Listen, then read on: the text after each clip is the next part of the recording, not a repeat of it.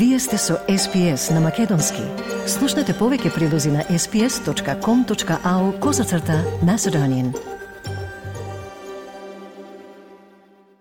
Според истражувањето на Институтот за демократија и фондацијата Конрад Аденауер, што беше објавено во петокот, голем процент од испитаниците во Македонија се изјасниле против внесувањето на бугарите во преамбулата на македонскиот устав.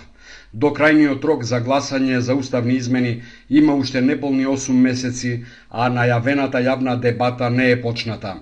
Премиерот Димитар Ковачевски пред јавноста даде своја оценка за ова прашање. Уставните измени не се туркаат и не се протуркуваат, туку уставните измени се гласаат во собранието на Република Северна Македонија. Тоа треба да изградиме широк обштествен и национален и политички консензус во однос на тоа дека овие прашања се за иднината на државата. Бидејќи ќе се навратам повторно на анкетата. Нашите граѓани сакаат да живеат по европски стандард, заслужуваат да живеат по европски стандард, а тоа се прави во земја членка на Европската Унија. За сега широк политички консензус за ова прашање нема. Председателот на ВМРО ДПМН е Христијан Мицкоски вели дека со последното истражување се покажува дека уставните измени не им се приоритет на граѓаните. За најавите дека сите политички субјекти ќе бидат повикани на консултации, Мицкоски вели дека нема да прифати да биде дел од овој процес. Ако вие ги прашате граѓаните, кои се вашите приоритети? Тие ќе ви набројат најмалку 15 други приоритети и ако не ги подсетите на уставните измени, никој нема ни да ги спомене, бидејќи тие не се ни приоритет, не се ни проблем, бидејќи тоа го не постои. Но исто така се јасни дека да сакаат европски пат, како што сите други европски граѓани го одеа. Без билатерални е, прашања, без услови, без ултиматум. Иако без поддршка од ВМРО ДПМН уставни измени не може да има, министерот за надворешни работи Бујар Османи е убеден дека во овој процес ќе преовладаат аргументите за. Уставните измени се важни за напредокот на државата и партиите ќе мораат да се издигнат над личните интереси, рече Османи за медиумите. Промената на уставот е важно за продолжување на процесот на на процесот на преговори и тука ние ќе мора да постигнеме надпартиски консензус, да ги оставиме интересите на дневната политика, да седнеме и да ги анализираме сите аспекти проет контра за уставните измени, ве уверувам дека и на експертско ниво, и на политичко ниво, и на било кое друго ниво ќе доминираат аргументите за за уставните измени бидејќи тие се во наш во наш интерес. Во споменатата анкета дури 80% од македонците, односно 65% од вкупниот број испитаници, се против условот бугарите да бидат внесени во Уставот.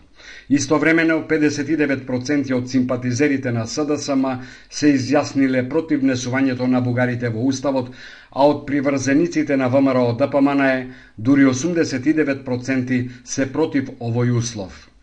Членката на Централното собрание на Алијансата на албанците, новиот коалиционен партнер на владата Роланда Кадриу, им се приклучи на фракционерите на ДУИ, кои себе си се нарекуваат огнена група, која бара реформи во ДУИ. Ова го потврди подпредседателот на ДУИ Изет Меджити, кој е и пратеник и најистакнат член на огнените на својот Facebook профил.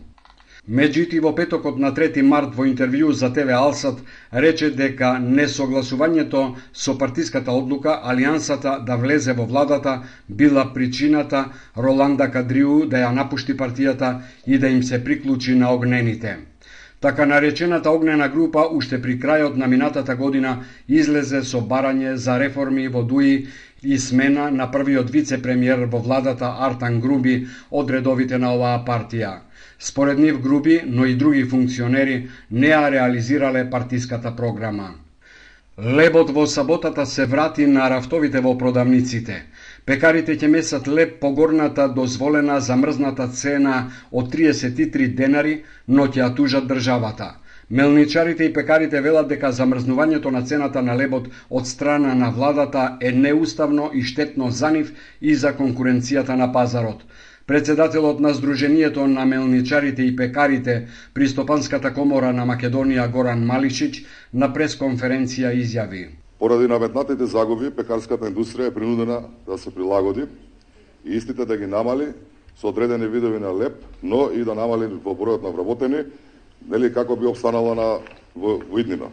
На овој начин индустријата во наредните три месеци, ако остане одлукава само за три месеци, ќе бара начин да обстане.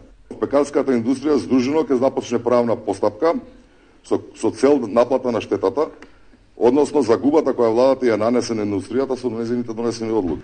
Премиерот пак е разочаран од пекарите.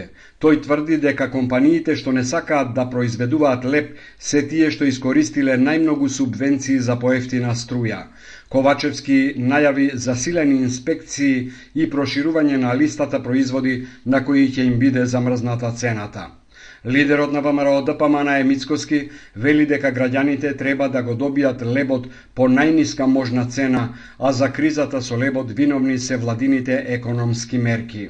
Пре неколку месеци имаше редици за за нафта и за бензин, денес имаме празни рафтови за леб. Се подсетуваме на оние години од поранешната држава кога кога за жал основните артикли граѓаните не можеа да да ги имаат на располагање. Затоа често пати споменуваме дека оваа влада треба да замине. По оваа изјава СДСМ одржа пресконференција на која пратеничката од оваа партија Санела Шкриел рече дека владата со одлуката за замрзнување на цената на лебот од најмногу 33 денари ги заштитила граѓаните и стандардот.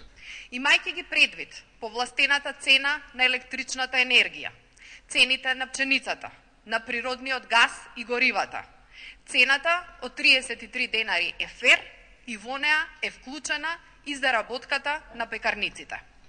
Ке остане забележено дека единствени противници на мерката за леп од 33 денари и кои застанаа против беа профитерите од ВМРО ДПМН и Левица. До сега пазарните инспектори откриле 4 фирми кои продавале леп поскапо 33 денари.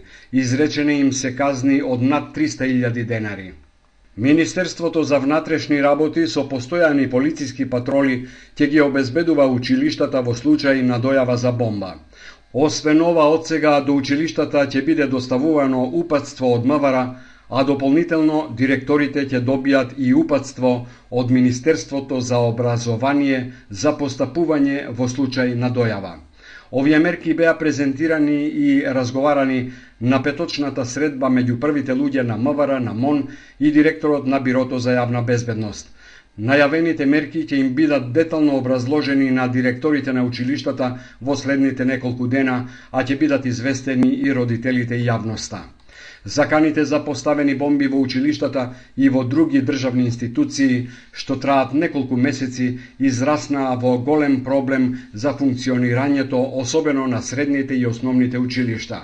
Секој ден на стотици ученици им се прекинува наставата и си одат дома.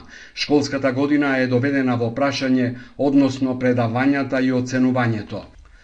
Во организација на комуната на власите браќата Манаки и киноклубот Студио Милтон Манаки на влашките гробишта во Битола вчера се одржа чествување по повод 59 годишнината од смртта на Милтон Манаки. Во чест на првиот снимател на Балканот, свежо цвеќе положија представници на општина Битола и асоциации што го негуваат делото и творештвото на браќата Манаки. Браќата Милтон и Анаки Манаки се дел од историјата на градот. За идната година, кога се навршуваа 60 години од смртта на Милтон Манаки, формиран е иницијативен одбор кој ќе се погрижи за одбележувањето да биде што подостоинствено, информира општината. Делото на Манаки денес се чува на две места. Филмскиот опус во Кинотеката на Македонија, а фотографскиот во Битолскиот архив, што се смета за големо историско и културно богатство не само за Битола и Македонија, туку и за целиот Балкан. Сакате ли да чуете повеќе прилози како овој?